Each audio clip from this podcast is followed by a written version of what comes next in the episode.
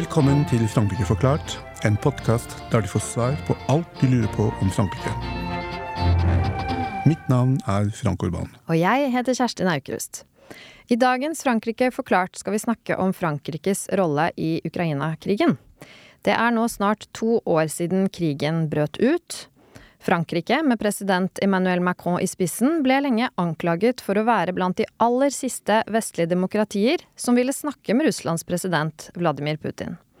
Etter at krigen brøt ut, og på bakgrunn av gjentatte krigsforbrytelser som ble begått av russiske styrker, ble Paris sin tone overfor Moskva stadig skarpere, samtidig som han uttrykte et ønske om å ikke ydmyke russerne.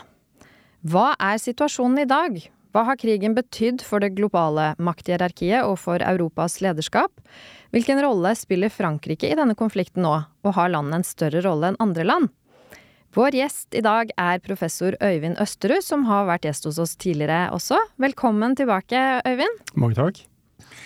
Øyvind Østerud har vært professor i statsvitenskap og internasjonale konfliktstudier ved Universitetet i Oslo siden 1980. Mellom 1998 og 2003 ledet han det viktige arbeidet med makt- og demokratiutredningen. Tidligere i år skrev han et kapittel med tittelen Den globaliserte krigen, Ukraina og den nye geopolitikken i antologien Krigen i Ukraina. For å få en bedre forståelse av denne krigen, kan man også med fordel lese to andre bøker som Øyvind har skrevet, Hva er krig? i, fra, i 2013, og Krig uten stat. Hva har de nye krigene og middelalderkrigene til felles? i 2020. Øyvind, veldig hyggelig å ha deg tilbake med oss. Kanskje vi kunne begynne med de lange linjene. Hvilke faktorer gjør Ukraina-krigen mer komplisert å finne en løsning på enn andre sammenlignbare konflikter etter 1945, som har involvert minst én av stormaktene? Ja, jeg tror jeg ville svare at det har sammenheng med den kompliserte og sammenvevde historien mellom Ukraina og Russland. De, har, de, har vært, de var sammen i Sovjetunionen. Ukraina ble regnet som det viktigste ankerfestet utover Russland i, i, Sovjetunionen. Det ble sagt at hvis Ukraina faller fra, sånn som mange av de andre republikkene hadde gjort fra, fra 1991, begynnelsen av 1991, faller Ukraina fra, så er det ikke mer Sovjetunionen. Og det har vært tette, tette forbindelser langt, langt tilbake. Så det er, det er noe, av, noe, av, bakgrunnen. Dette er jo det er, det er på et vis broderfolk som, som, har hatt veldig mye samhandling og, og vært innenfor den samme statsdannelsen i, i, lange perioder. Og så er det i tillegg en ekstremt uforsonlig konflikt fordi partene har uforenlige mål. De har helt uforenlige minimumskrav. Altså Det som er minimumskravet for, for, for, Russland, er helt uakseptabelt for Ukraina. Og det som er minimumskrav for Ukraina, er helt uakseptabelt for Russland. Så de, de kan egentlig ikke møtes i, i, noen eh, forhandlinger med et kompromiss som er akseptabelt for begge parter. Og, det sånn, og dette har forsterket seg gjennom krigføringen det siste halvannet året. Eh, enorme tap, store lidelser enda vanskeligere å, å, gi opp, inngå kompromisser med de kolossale kostningene det allerede har hatt. Og hvor begge parter vil møte stor opposisjon på hjemmebane hvis de inngår kompromisser. Så dette er jo den, den blanding av denne lange, sammenvevde historien og, og denne akutte situasjonen med helt uforenlige målsettinger for krigen. Mm, for I din artikkel så drøfter du blant annet USAs krig i Vietnam, og ser på forskjellen mellom det som var USAs stilling i den krigen i Vietnamkrigen, kontra det som er Russlands stilling ja, i Ukraina-krigen. Det var mye lettere for USA på et vis å gå ut av Vietnamkrigen. De hadde også en enorm opposisjon på hjemmebane, sånn at de kan si at USA de tapte ikke egentlig militært i, i Vietnam, men de tapte politisk på hjemmebane og i, i verdensopinionen. Og det, var, og det ble etter hvert avgjørende, fordi det, det, ble tyngre og tyngre. Og det kostet dem strengt tatt ikke veldig mye. Det var ikke noe omfattende tap for USA å avslutte Vietnamkrigen. Tvert imot, de vant på, på å avslutte den. Mm. For Russland er dette helt annerledes. Mm. I artikkelen så snakker du også om Cuba-krisen, og eh, forteller hvordan, eh, hvordan, den internasjonale situasjonen ble anspent og bygd seg opp til en potensiell altså kjernefysisk konflikt eh, i, under Cuba-krisen. Hvor, hvor, antennbar er den konflikten for den globale maktsituasjon er for den globale altså sikkerhet? Ukraina-krigen? Ja. Nei, altså det har vært det har vært stadig forsøk på eller, som, ja, prøve å forhindre at det kommer opp på kjernefysisk nivå. Eh, Putin har jo gjentatte ganger minnet om at eh, vi, er, vi, vi Russland, er, er, verdens sterkeste atommakt. Eh, dette kan gå helt galt. Vi har noe i bakhånd. Minnet om det gjentatte ganger. Men det virker som om det sitter veldig langt inne. Han vet også at hvis det blir en virkelig en kjernefysisk krig, så er det også en katastrofe for Russland selv. De vil møtes med et kjernefysisk tilsvar som er, som er fullstendig ødeleggende. Og, å prøve å forhindre at bruk av taktiske, taktiske atomvåpen liksom eskalerer til et strategisk nivå med angrep fra USAs side, det er veldig vanskelig å forestille seg. Mm. Så i den forstand er nok også Putin en slags rasjonell aktør. Altså. Mm. Han er nok en rasjonell aktør når det kommer til stykket. Du snakket om den diplomatiske prosessen med hva de to landene ønsker seg. Eh, hva, hva, på bakken? hva er situasjonen på bakken, og hvor, hvor står vi igjen nå etter to år? Snart to år. Ja, det, Jeg tror det er rimelig å si at eh, Ukraina vant krigen på bakken i 2022. De forhindret okkupasjon av Kiev. De drev eh, russiske styrker tilbake fra eh, Kherson i, i, i sør i, høsten 2022. Og, og, det var et enormt nederlag for Russland at de ikke klarte å erobre Ukraina. De hadde jo planer om at dette skulle de kunne klare i løpet av ti dager, er det blitt sagt. Og så skulle de inkorporere Ukraina i Russland i løpet av uh, august måned. Uh, noe sånt. Dette er rimelig pålitelig etterretning som sier det. Uh, mislyktes fullstendig. Fikk betydelige deler av verden imot seg, i hvert fall den vestlige verden. Styrket Nato, fikk to nye Nato-land mot vest. Så det var jo et militært nederlag i høy grad. Men i år, 2023, er jo situasjonen en annen. Nå ser dette ut til å ha kjørt seg fast. Den ukrainske vår-, vår og sommeroffensiven mot øst har ikke lyktes. De står mer eller mindre stille, de står i stampe. Dette er en stillingskrig, en skyttergravskrig, som nesten ikke har en bevegelig front. Og Russland har satt seg fast på Krim, og de har satt seg fast i østlige deler av Ukraina. Så det går jo dårligere fra Ukraina nå enn det gjorde det første året. Eivind, du har vært tydelig i media på Eh, de vestlige landenes ansvar i det lange løp for at Russland og Putin-regimet vendte ryggen til Vesten, blant annet som følge av Nato-utvidelsesprosessen på 90-tallet og 2000-tallet. Eh, det er et syn som ikke uten videre er populært i enkelte miljøer i Norge. Hva mener du med dette, og hva kunne man ha gjort annerledes for å unngå å havne i dagens situasjon? Ja, dette var jo noe jeg sa i forkant av denne krigen som begynte i slutten av februar 2022. Jeg sa det eh, i januar i en artikkel. Eh, og det jeg mente med det, var at alle stormakter har interesse av å holde en viss kontroll med sine nærområder. En viss kontroll med sine nærmeste naboland i nærområdene. USA har gjort det i, i Mellom- og, og Sør-Amerika. Eh, intervenert militært en rekke ganger. Cuba-krisen nevnte du. Hvor de gikk til mot utplassering av russiske eh, atomraketter på Cuba. Eh, andre land som Kina eh, sikrer seg kontroll mot Japan i Øst-Kina-havet, mot, eh, mot Filippinene og andre land i Sør-Kina-havet. Og Russland er interessert i en viss grad av kontroll, betydelig grad av kontroll, med, med de tidligere sovjetstatene som, ligger, som grenser opp til Russland. Så dette er helt, det er helt normal stormaktspolitikk. Og i den forstand så, så Putin Eh, østutvidelsen av Nato og til dels EU som en provokasjon mot russiske interesser.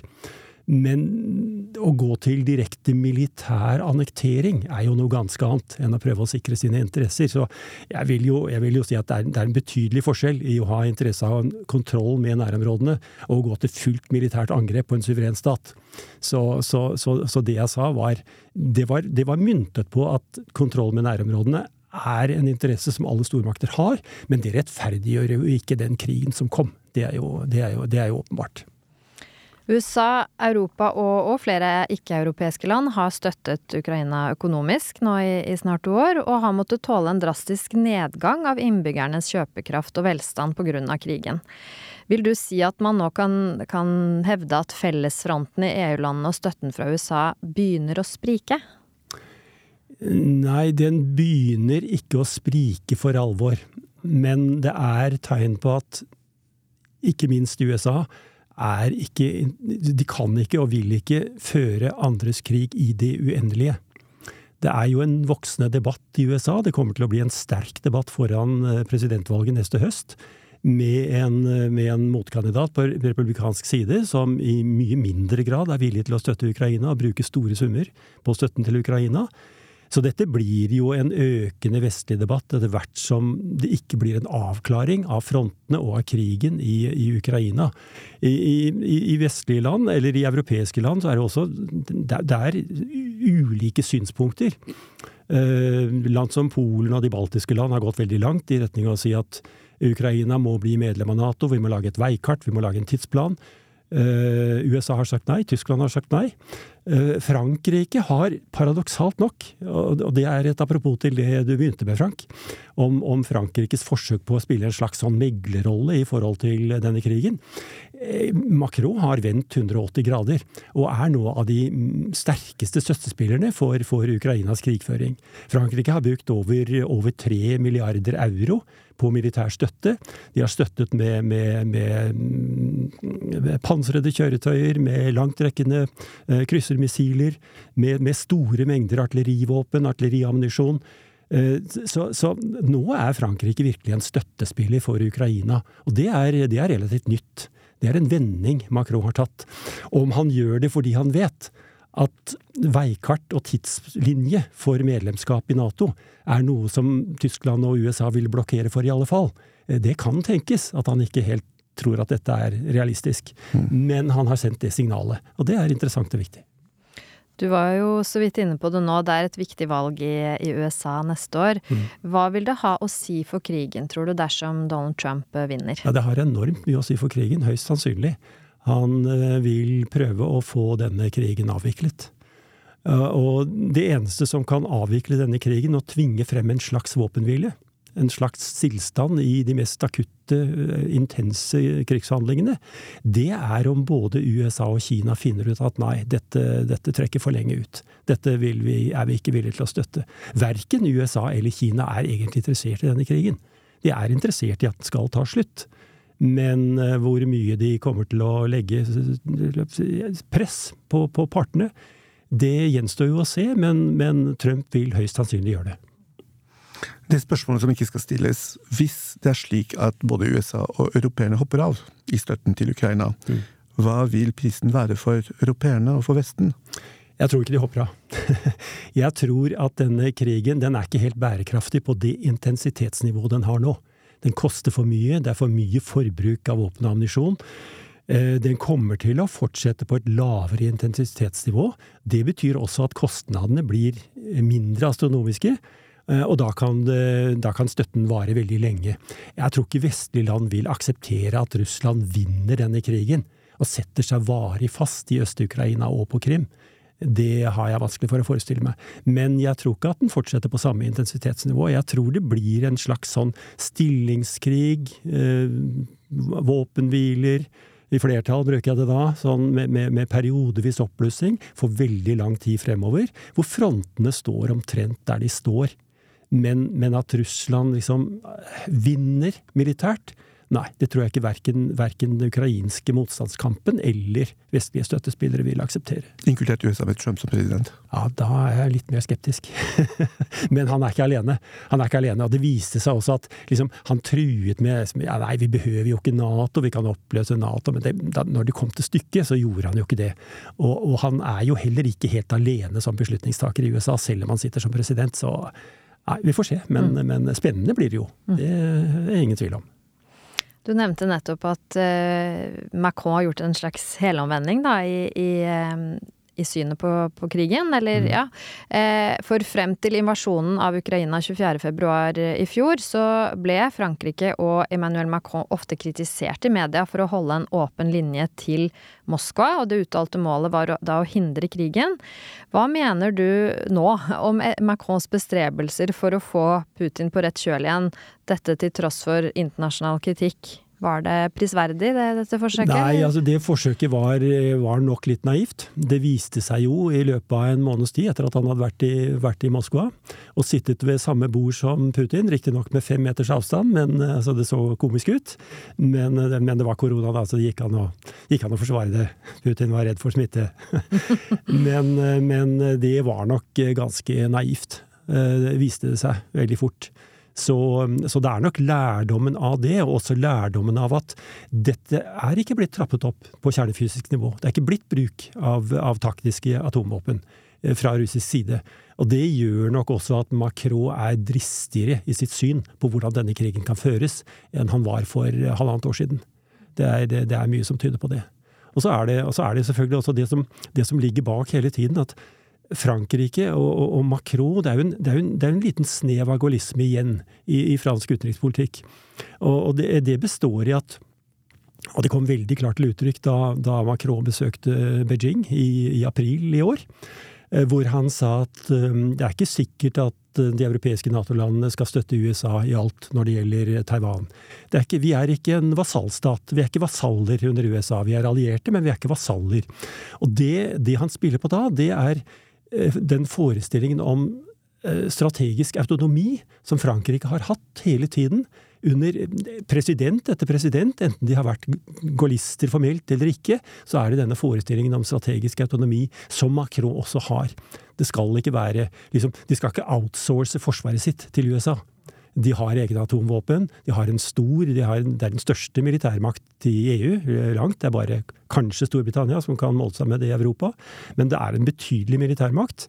Og, og, og med betydelig selvbevissthet i, i, sin internasjonale rolle, som Macron også har gitt uttrykk for.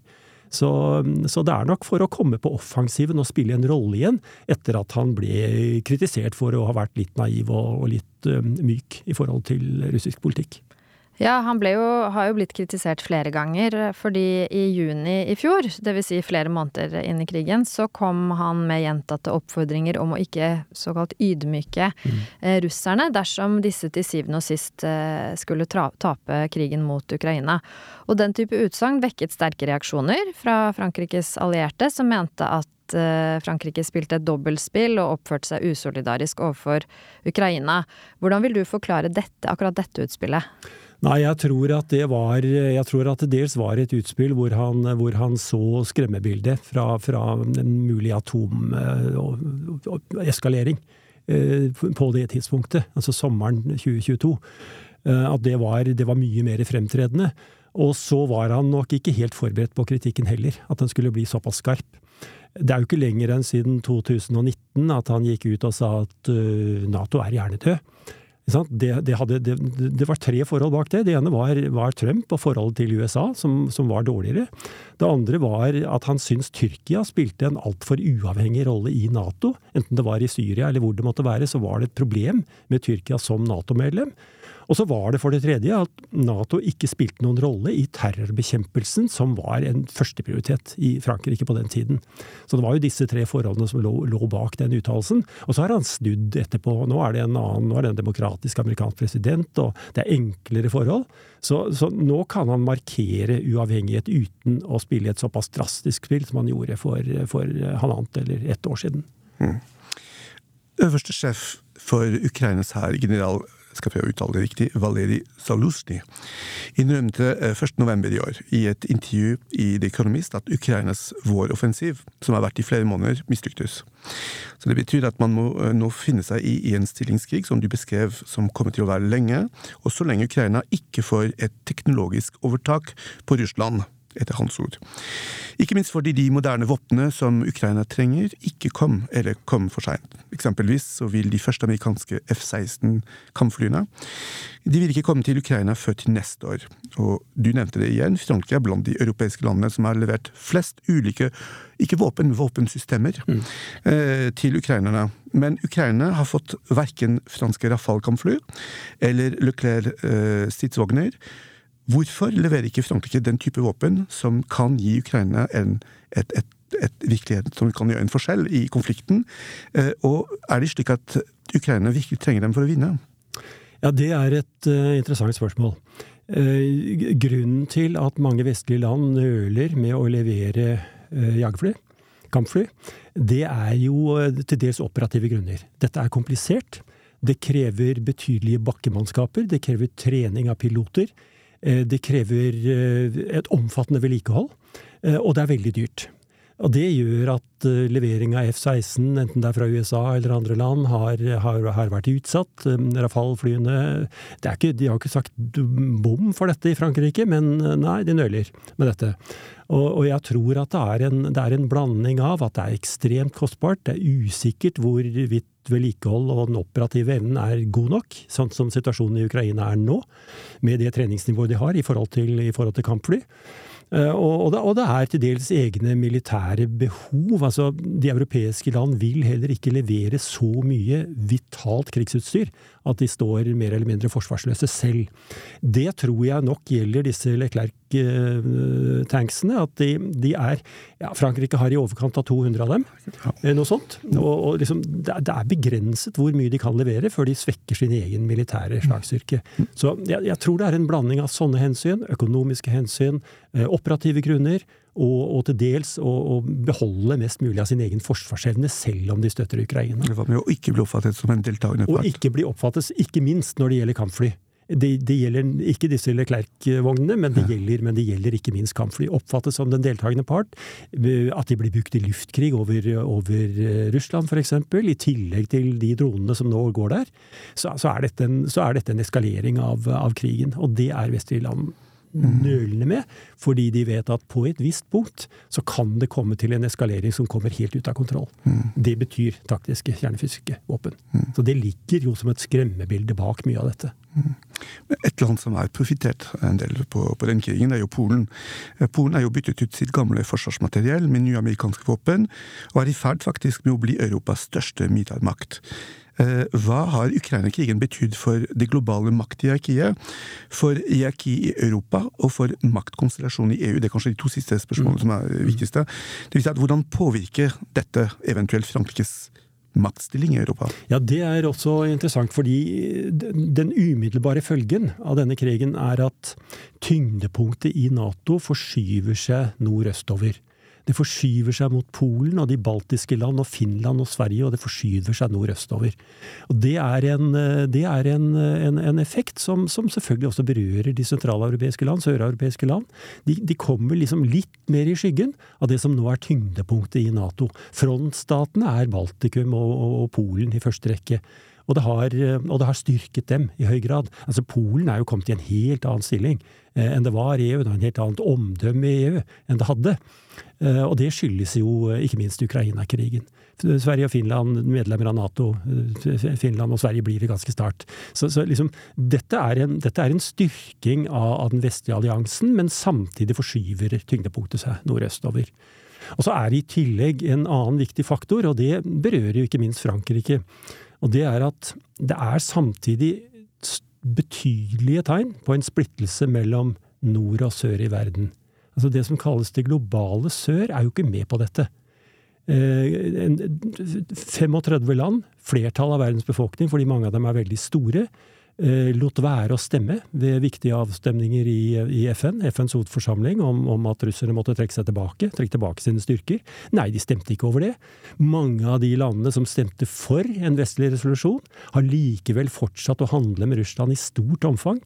Eh, det gjelder land som India, det gjelder Egypt, det gjelder Brasil, det gjelder mange land som, som fortsatt handler livlig og, og, og omfattende med, med, Russland, både militært og sivilt. Så Sånn sett så er det også en endring i, i verdenspolitikken, og, og, Frankrike ser selvfølgelig dette. Macron ser dette. Og, det er bekymringsfullt at det er en sånn tegn til splittelse. Og det, det landet som virkelig tjener på dette, det er jo, det er jo Kina.